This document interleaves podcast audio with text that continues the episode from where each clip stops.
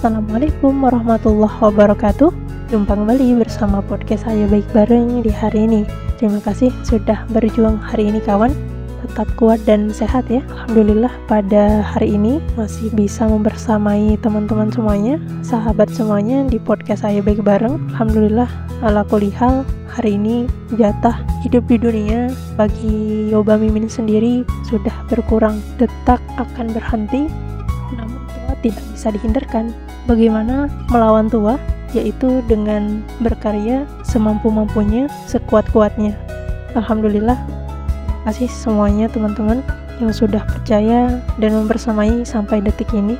Tidak ada kata yang bisa diungkapkan melainkan doa yang terharap dan berharap betul serta berdoa betul kepada semuanya meskipun kita hanya bersua melalui audio suara ini dan bahkan barangkali teman-teman tidak tahu bagaimana rupa maupun sifat maupun perilaku asli dari podcaster ini pun juga sebaliknya. Saya juga tidak tahu teman-teman seperti apa? Apakah dalam kondisi hati yang seperti apa? Kondisi gundah gulana atau sebaliknya tetap bahagia dan memilih untuk terus berjuang? Ataupun biasa-biasa aja ya. Hanya bisa menerka-menerka saja dari balik layar seperti ini. Alhamdulillah, ternyata ada sebuah perenungan yang menarik tentang sebuah bunga. Kok sebuah bunga ya?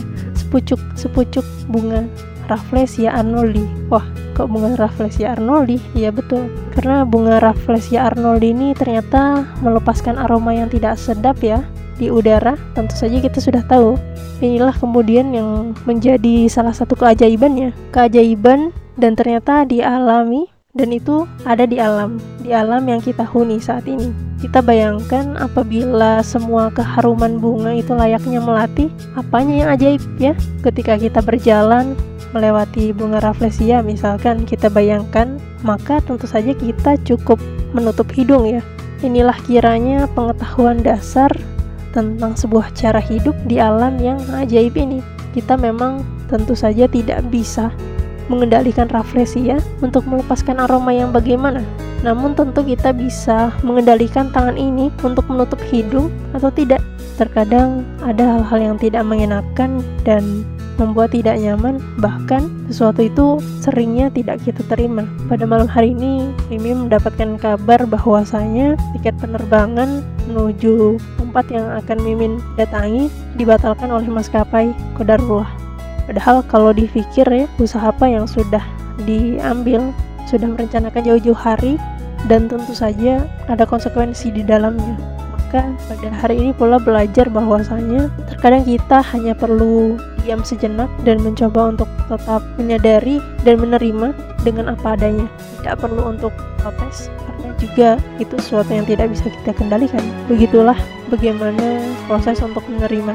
Hari ini juga belajar bahwa ternyata untuk menyadari apa yang sedang kita kerjakan saat ini tentu saja kita harus seutuhnya ada di sini. Menikmati setiap momen setiap pertumbuhan yang sudah didapati. Menikmati setiap menit demi menit hembusan nafas dengan segenap tubuh dan pikiran serta perasaan kita. Mengutip dalam mengikuti kata Imam Malik bahwasanya selama 20 tahun di mana 2 tahun itu digunakan mempelajari ilmu dan 18 tahun digunakan mempelajari adab. Dan kini Yoba Mimin juga menyesal mengapa seluruh waktu tidak digunakan untuk mempelajari adab saja. Begitu yang dikatakan oleh Imam Abdurrahman Al-Qasim dan itu juga relate banget dengan Yoba Mimin.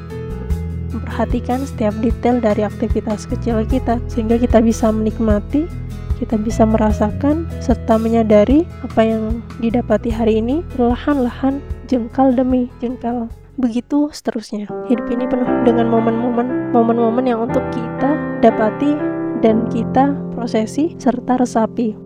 Kiranya penyesalan Yoba Mimin di tahun ini. Ada harapan yang tentu saja begitu besar, namun pikiran tidak bisa melepaskan. Ternyata penyebab utamanya hadirnya diri itu tidak utuh. Maka hal yang bisa diresapi itu adalah melepaskan. Melepaskan adalah cara terbaik dan melepaskan adalah seni cinta yang tertinggi. Karena apa-apa yang memang tidak bisa kita kendalikan, tidak bisa kita ambil. Karena itu bukan hak kita.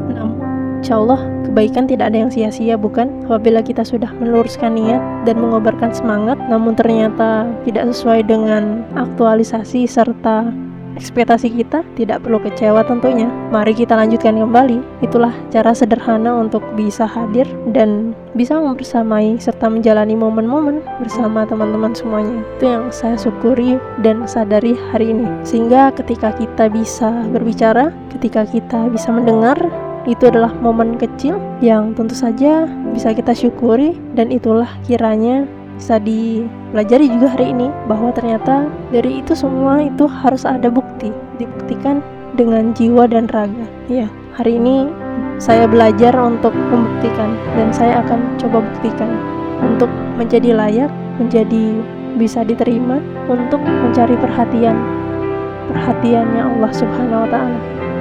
Bukan perhatiannya manusia namun terlebih dari itu semua dimulai dengan langkah kecil yang paling potensial dilakukan dan yang paling mudah dilakukan oleh diri Yoba Mimin sendiri. Dan hari ini pula juga menyadari tiap hari ada rezeki baru serta ada hadiah baru untukmu untukku dan kita harus menghargai itu.